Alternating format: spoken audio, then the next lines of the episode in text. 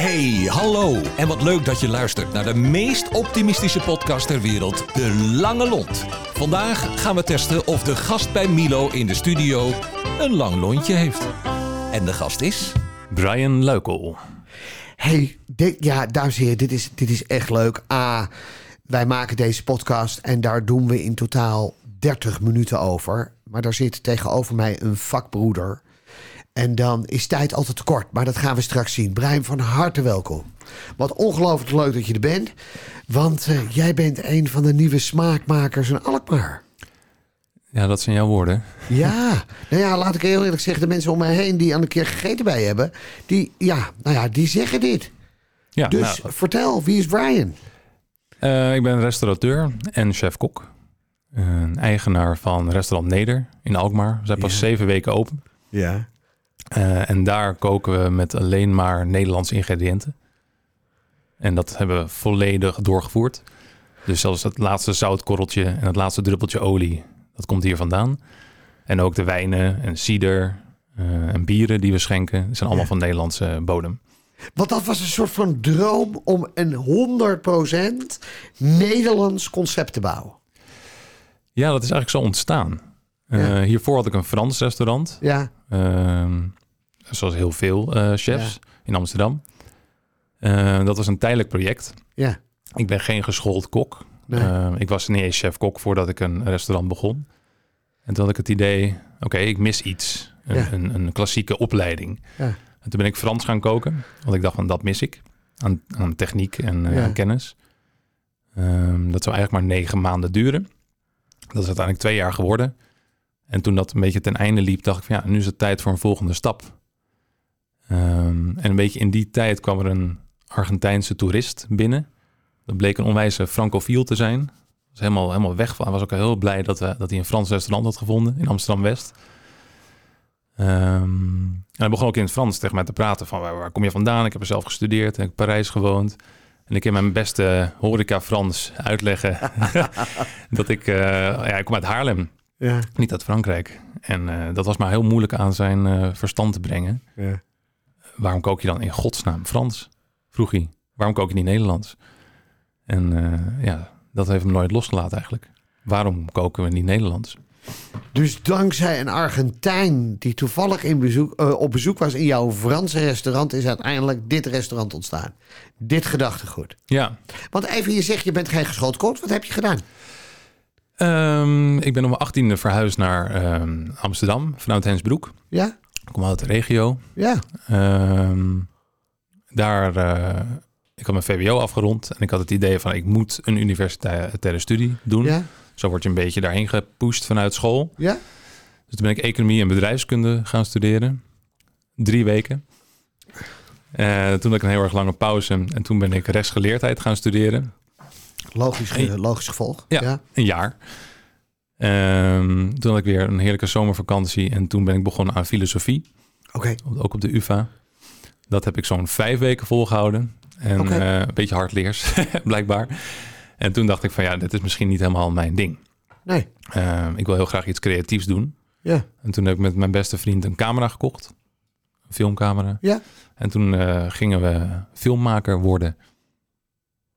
En hoe lang heeft dat geduurd? Eh, vier jaar. Oh, vier. Ja. Dus dat was op zich dan wel in jouw, in jouw, in jouw taal wel vrij lang.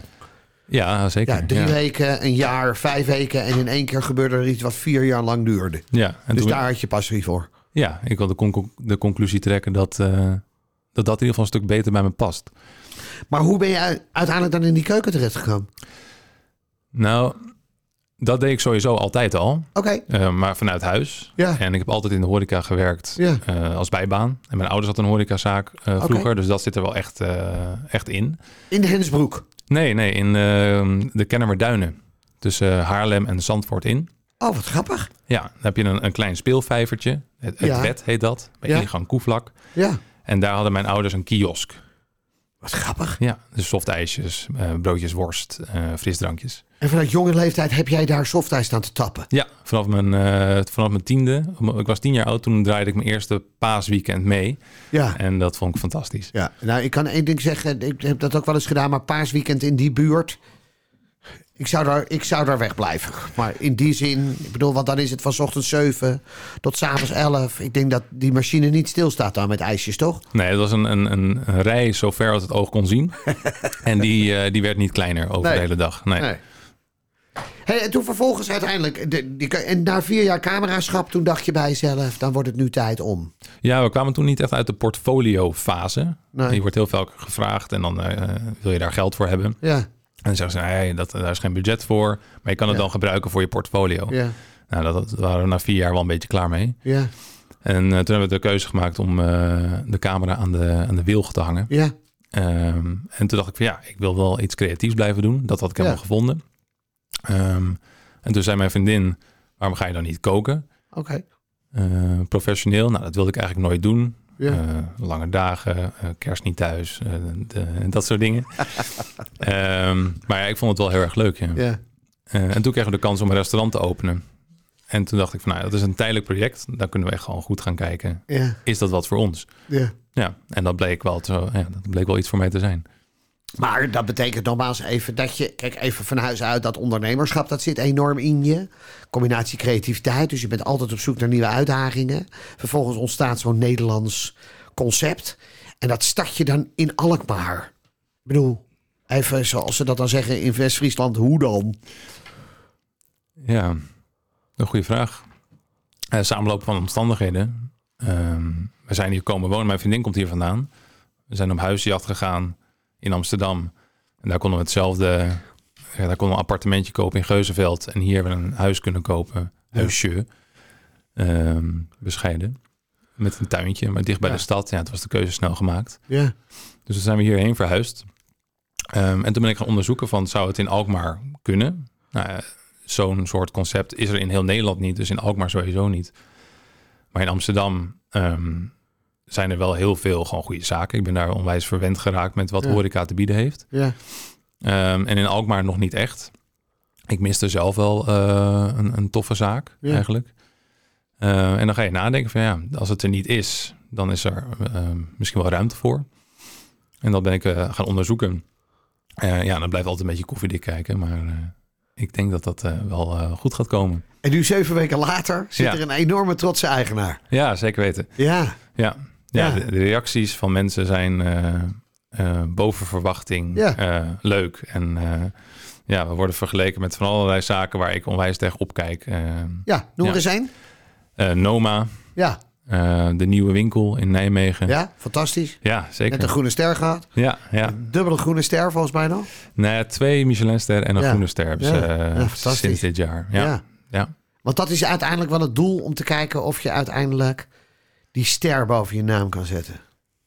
Nou ja, het doel is wel om zo op een zo hoog mogelijk niveau te gaan koken. Ja. Gewoon kijken hoe ver kunnen we eh, Ja. met dit concept komen. Ja, Ehm, maar Michelinster is niet een doel op zich. nee. We, we schenken bijvoorbeeld alleen maar Nederlandse wijnen. Nou, Ja. Die, zijn echt, die worden steeds beter en dan, we kunnen echt wel een heel erg mooie pairing aanbieden. Ja, Maar worden we daarop afgerekend en zeggen ze van, nou, eh, je mist toch je Noord-Franse ja, eh, wijntje of je, je Zuid-Duitse eh, Riesling. ja.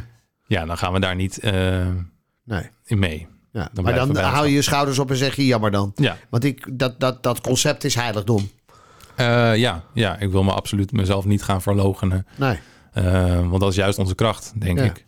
Nou, nou ja, je, je bent genomineerd door je buurman aan de overkant, Ja. hè, de, de, de wijnman. Eh, en het aardige van het verhaal is, die, we nodigen mensen uit met een lange lont. Hij heeft per definitie, zei hij zelf voor in de uitzending, niet altijd een lange lont. Maar ik bedoel, volgens mij, heb jij een lange lont? Ben jij iemand die altijd optimistisch en positief is? Ehm, in ieder geval altijd dat probeer te zijn. En Ja. als, ik, als ik merk aan mezelf dat ik het niet ben, eh, Ja. zo snel mogelijk die ommezwaai probeer te maken. Maar ja, ehm, ik hou mezelf ook wel heel veel op de hals. Ja. Eh, het is best wel eh, eh, ambitieus en zwaar daardoor. Ehm. En daardoor merk ik wel dat ik niet altijd de lange lont heb die ik zou willen. Maar En hoe, hoe merk je dat dan? Ik bedoel, even, waar, wat irriteert je dan?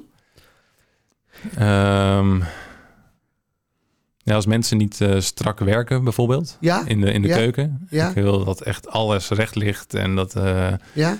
Ja, dat probeer ik daar, dat, dat probeer ik ook mijn team te laten te doen. Ja. Eh, dat, ze daar, als dat dan niet goed ligt, en dan kan ik heel goed merken hoe ga ik daarmee om. Ja. Ga ik daar op een, op een lieve, aardige manier mee om en leg ik het gewoon nog een keer uit. Dan weet ik, oké, mijn lontje is wel lang vandaag. Ja. Ga ik daar gelijk eh, vol in en eh, zeg ik van hoe vaak moet ik dit nou zeggen? Dan is dat ook een, een graadmeter voor mezelf van, eh, oei, misschien moet je even rustig aan doen. Maar je zegt, je zegt in, de, in de vorige zin heel duidelijk van... nou, dat heb ik dan wel eens, maar dan probeer ik dat zo snel mogelijk weer om te draaien. Hoe doe je dat dan? Ehm, ja, door te relativeren zoveel mogelijk. Ja? Even een stapje terug te nemen, te kijken naar de situatie. En eh, Ja? ja, wat ik al- wat probeer te doen, dat kan in Nederland niet eigenlijk altijd. Maar als er een heldere nacht is, Ja? dan ga ik heel graag na mijn werk even in de tuin zitten. En het liefst kijken naar de maan. En dan speel ik een eh, soort van relativatiespel met mezelf. Oké. Door te kijken hoe klein ik mezelf kan maken. Dus ik ga dan, begin bij de maan. Van die, die staat relatief dicht bij de aarde. Ja. Ehm, maar eigenlijk al heel erg ver weg. Dus, wij, Ja. we, dus we zweven ergens in een, in een ruimte. Ja. En dan ga ik dat proberen zo, zo, zo groot mogelijk te denken. Kijken hoe ver ik dat kan eh, buigen. Dus eh, zonnestelsel en dan eh, verder en verder en verder. En dan kom je erachter hoe ontzettend klein wij wel niet zijn. Met z'n Ja. allen op die aardbol. Ja. En dan moet ik altijd eh grinniken. Dan denk ik altijd, waar zijn we in godsnaam mee bezig met z'n allen? Dat kleine aardbolletje in het heelal. Ja. Gigantische chaos met z'n allen. Boodschappen doen, dingen snijden, in bakjes doen. Dan komen mensen eten en dat ga je dan op bordjes leggen. En dan word ik boos dat er een, een mes niet eh, op een doek op een plaatje ligt eh, in de keuken. Ja, en dat is voor mij altijd even een moment van, ik wil het wel, eh, want dat werkt fijn. Maar ja, weet je, zo erg is het nou ook weer niet. Maar dat is wel gaaf. Dat je uit, ik zie het wel voor je. Kijk, toen, toen je begon met dit verhaal, toen denk ik, waar gaan we in godesnaam heen? Maar ik zie het wel voor me. Dat je uiteindelijk dan naar boven zit te kijken. En dat je dan inderdaad tot de conclusie komt. Wat, maar we zijn, we zijn ook ietsje pietsie, natuurlijk. Ik bedoel, Ja. wie zijn we dan? ja, en waar zijn we mee bezig? Ja. Ja, Even, het aardige is, eh, eh, eh, Joris van, van, van het Rijksmuseum, die is een paar jaar geleden begonnen met, met, met na te denken over wat is nou de Nederlandse eetcultuur. Mhm. Daar kreeg je overigens niet de handen echt voor op elkaar. Heel ge- geserieerd gezegd. Want ieder land heeft wel zijn eigen ding. Hè? Peking eend. in Frankrijk doen, we, doen, we, doen we veel dingen met ganzenleverachtige. Hè? De Rossini's van deze tijd. Van de vorige tijd.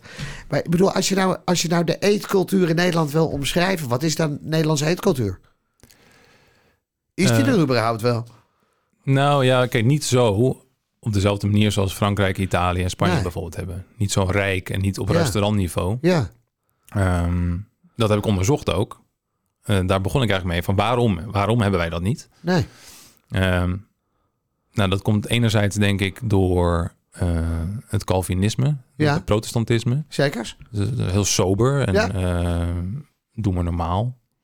Zekers? En ehm, eten was brandstof. Ja, Dat ga je niet vieren, dat moet er gewoon in en dan kun je weer werken. ja, en anderzijds zijn wij heel rijk geworden in de VOC-tijd. ja. En daarin zijn we eigenlijk verwend geraakt door gewoon ingrediënten te kunnen halen. Ja, peper, kruidnagel, sterrenijs, dat soort dingen. ja, Ehm, en daar zijn we eigenlijk een beetje vergeten om om ons heen te gaan kijken. ja. Want wij gebruiken op dit moment bijvoorbeeld de zaden van wilde pastinaak. Nou, die groeien gewoon langs de Vondelstraat in Alkmaar. Oké, Ehm, en die pluk ik en gebruiken we als specerij. oké. En dat is fantastisch. Ja, lijkt het op kruidnagel? Nee, maar het is wel onze eigen specerij. Dus daarin hebben we een soort van de boot gemist. Terwijl we eigenlijk de boot hebben gepakt. Ja. Ehm, en je vraagt, ja, wat is Nederlandse eetcultuur? Dus dat, zit- dat zit er wel in. Dat moeten we niet vergeten. Het is Nee. wel sober. En, eh, Ja. Dus dat proberen wij ook in onze opmaak te doen. Dat is een vrij Ja. simpele opmaak. Maar wel heel smaakvol. Ja. Ehm, en er zijn onwijs veel Nederlandse ja, kooktechnieken. Zoals Peking eend of zo. Ja, zoiets hebben wij. mm, Een gehaktbal, zou ik dan zeggen. Ja, Maar ja, het, het braden of het stoven, ehm, dat zijn wel Nederlandse kooktechnieken. Dus dat proberen wij ook dan toe te passen in plaats van dat we gaan grillen. ja. eh, laten we dan iets braden. Maar het aardige is dat. Eh, als je kijkt vanuit Italië, hè, daar, zijn ze, daar zijn koks, eh, maar ook in Frankrijk vaak productgericht. Hè? Ik bedoel, even als je in Italië komt en je eet daar een tomaat, dan denk je, oeh, dit is een lekkere tomaat. Terwijl juist in Nederland, wij, wij, wij, wij zijn wel technisch getraind. Bedoel, is het een ontwikkeling dat wij in de toekomst, hè, je hebt het net even gehad over de wijn, die kwaliteit verbetert en verbetert. Is het denkbaar dat wij in de toekomst gewoon nog echt lekkere, smaakvolle tomaten krijgen? Nou, als het zo verder gaat met de klimaatverandering, eh, zeker. Want die, Ja. hele lijn die, die schuift zo op. Ja, Daarom hebben we ook een goede wijnen nu. Dus dat Ja. is ook een beetje dubbelzinnig of we daar heel blij mee moeten zijn. ja, Ehm, maar ja, eh, het zal heel mooi zijn als er, als er geteeld wordt voor smaak. ja. In plaats wordt geteeld wordt voor volume of voor eh, kwantiteit. Want daar sta je wel heel sterk voor. Jouw ontwikkeling, jij zou het liefst zien inderdaad dat we gewoon telen om die smaak. Ja, en het liefst zelfs nog telen op een, op een veel natuurlijkere manier. Ja. Eh, in voedselbossen bijvoorbeeld. Is dit, ook een, is dit ook een voorwaarde voor de leveranciers die bij jou leveren of niet? Ja, absoluut. Wat is de meest bijzondere? Een leverancier? Ja? Oeh, ehm, Oeh. is dat een, eh, dat is eh, van de Chinese oesterzwammen? Oeh. Hem? Ja? Dat is jouw hoe. Ja? Nee? Ehm, ja, ja ik, eigenlijk het eerste die me binnen schiet is eigenlijk gewoon de uienboer uit Ja. de Beemster. Ja. Ja, die ken ik. Eh, daar ben ik geweest. En Ja. ik heb samen met hem staan spitten in de klei. Ja. Ehm, ja, het is gewoon het, eh, de mensen zelf zijn bijzonder. Ja. Ja, en hun product is, is zijn ontzettend goed. Ja. Maar dat proberen we meer te doen. Gewoon de producenten te leren kennen. Ja. Ga je dan samen met je hele team? Ja, we doen elke maand een, eh, een uitje. En dan... eh, Overigens wel toepasselijk, hè? ja. Kom je net met de uienboer en Beemster en dan zeg je, ik doe één keer per maand een uitje. Ja, dat begrijpen we zelf natuurlijk ook wel als luisteraars, toch? Of niet? ja. Hè? Nee, maar goed, je doet één keer per maand een Ja, uitje en dan ga je naar een leverancier. Eh, ja, een van onze eh, eh, medewerkers die mag dan in zijn vakgebied een, een uitje organiseren. Dus de, de drankmeester neemt ons mee naar een, binnenkort naar een wijngaard in Noord-Brabant. Wat zei, wat zei je even het woord? Drankmeester. Ja, de drankmeester. Jullie hebben een drankmeester. Ja. En wat doet de drankmeester? Ehm, die heeft eigenlijk de functie als eh, sommelier. Ja? Maar we proberen ook die Franse terminologie er een beetje uit eh, te halen. Oh, wat goed. Maar hij doet ook nog meer, want hij brouwt zelf ook. Dus hij is niet alleen degene die de, de dranken uitzoekt en bij de gerechten pairt. Maar hij brouwt zelf ook, een bierbrouwer. Ja. Ehm, en we doen heel veel non-alcoholische dranken en die maakt Ja. hij allemaal zelf. Dus met water, kefir, kombucha. En, eh, Wat grappig zeg. Ja. Dat doet hij in de zaak. ja, ja, in, ja, in de keuken. Dus dat betekent dat op het moment dat je vervolgens middags een keer binnen wandelt, dat je hem in dit geval ziet brouwen. De Dat- drankmeester. Als je nu, nu op de fiets stapt en erheen fietst, dan is hij aan het brouwen. Ja. Ja. Oh, wat goed zeg. Oh, wat geweldig. Maar dat ja, dan was even, je raakt het telkens enthousiaster. Wat is, ik bedoel even, eh, als wij nou over 15 jaar, is het dan zo dat we, dat, dat Ryan, net zoals Gordon Ramsay, vanuit zijn slaapkamer in een of andere grote villa in Bergen, en met een joystick al zijn 22 zaken in de wereld in de gaten houdt? Eh, eh, of, of, of, of, of is dan dit, dit, dit, dit verplaatst naar nog groter? Wat is je droom? Ehm, op dit moment zou ik zeggen nog één zaak erbij. Ja? Eh, en dat noem ik dan het concept. eh, de, de werktitel is Nederbuiten. Nederbuiten, ja. En dat is een buitenplaats, een kleine boerderij. Waar Ja. we voor Nederbinnen en Nederbuiten.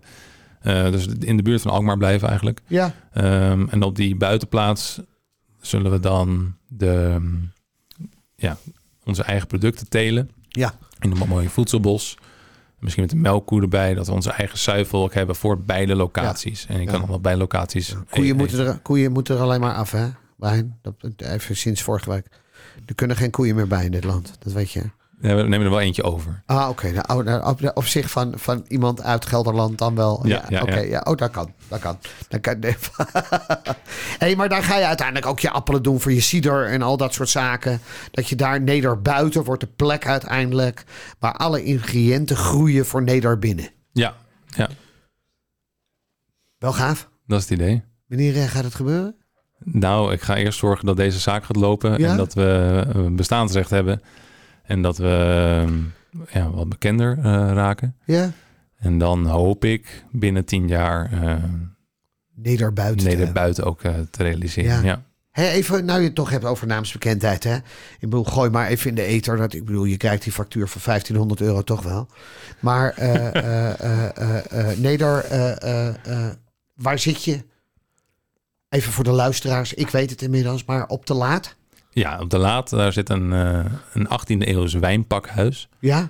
Rechterkant, bestaat uit twee delen. Rechterkant uit 1726, de linkerkant uit 1730. Daar heeft jarenlang een Italiaans restaurant... Mag ik dat noemen? Ja, moet ik het dan, zeker, moet ik dan, eh, 100%. moet ik dan zes eh, Italiaanse restaurants noemen? Nee, nee, nee, dat gaat weer een mindering in dit geval van, eh, van je rekening voor je eigen zaak. Ah, die wordt Dus, naar hem eh, gestuurd. Ja, eh, Tower Mina heeft daar erg Ja. gezet. Echt een Ja. begrip in Alkmaar. Want je vertelde dat er nog regelmatig mensen binnenkomen voor een pizzaatje. Ja, dat gebeurt eh, misschien wel vaker dan dat mensen binnenkomen om eh, bij ons te gaan eten. ja. ja, de reactie op hun gezicht is heel erg leuk, want we hebben het onwijs verbouwd. Ja, Het is echt niet meer terug te herkennen. nee. Maar ze weten dat eh, het is een soort van... eh, eh, bijna op routine lopen ze ergens naartoe en lopen Ja. ze binnen en dan staan ze half in onze zaak en dan daalt het besef binnen dat ze hier waarschijnlijk geen pizzaatje meer kunnen krijgen. Ja, ja. Maar het zit in de laat. Ja, laat. Ehm, ja, we zijn open van donderdag tot en met zondag. Ja, Iedereen eet gelijktijdig. ja. Dus je komt om eh, half zeven ongeveer binnen. En zo ruimte voor een aperitiefje. En dan zetten we onze eerste amuse op tafel. En dan om zeven uur begint voor iedereen ehm, de avond. Dus iedereen eet gelijktijdig. En dat doen we vier avonden in de week voor ongeveer 24 gasten per avond. En dat betekent nogmaals negen gangen, toch? Ja, negen gangen. We doen ook zes gangen. Ja. Ehm laatst zei iemand, dat is het, eh, eh, die belde en ik vroeg, willen jullie de zes of negen gangen eten? En toen haalde hij de telefoon even van zijn oor. Toen zei hij, eh, lieverd, willen wij eh, de negen gangen of gaan we voor het Alkmaar menu? Eh, ja, dus die zes gangen, dat zijn, zijn zijn woorden overigens. Maar, Ja, ja, ja. het is wel om even iets meer toegankelijkheid te, te bieden. Ehm, maar ik denk dat wij er over een geruime tijd wel van afgaan. En dat wij onze negen gangen alleen maar gaan serveren. Ja, ja, ja, ja. En dan 24 mensen per avond. Ja. Volle aandacht. Drankmeester erbij. Ja. Overheerlijke wijnen. Ja. Ciders. Je kan het zo gek niet bedenken. Maar het is er en je kan het krijgen. En allemaal uit Nederland. Ja, tot aan het laatste hop en, ga- en, eh, specerij in het bier. Gaaf. Ja. Weet je, hey, wat, wat, wat, wat, wat, wie is jouw held eigenlijk? Wie, wie, wie van jij denk je van, nou, dat vind ik, ik vind echt eh, zo'n fantastische kerel of vrouw. Die heeft mij echt zo geïnspireerd. Dat is eh, Magnus Nielsen eh, van het restaurant Faviken. Dat bestaat niet meer. In, Ja. eh, er is ook een Chef's Table aflevering over. Ja, Hij had een, een zaak in Noord-Zweden. ja, Waarin hij alles zelf groeide. En in het bos zelf ging jagen. ja, en daar is het drie kwart van het jaar donker, zowat. ja. Niet te doen, bijna. En hij heeft daar twee sterren ver- verworven. Eh, ja, en hij schrijft heel veel boeken. en Zijn hele filosofie over eten. En eh, Ja. dat is echt eh, Ja. heel erg inspirerend. Ja, En dat boek voor jou, dat komt er ook nog eens een keer. ja. zeker. Ja. Want je droom staat volgens mij ook keurig netjes op je bovenarm. Want ik zit daar nu even naar te kijken. Maar volgens mij is dat, is dat het buitengebied waar je ooit nogmaals al die, al die groentes wil, wil laten groeien. Of is dat wat anders? Nee, dit is eigenlijk een, een plaatje van eh, eh, mijn eerste avontuur met mijn verloofde. Oh, wat gaaf. Je kan het vanaf daar denk ik niet zien, maar de, de, de, de, vliegen wespen uit dit blokhutje. Ja?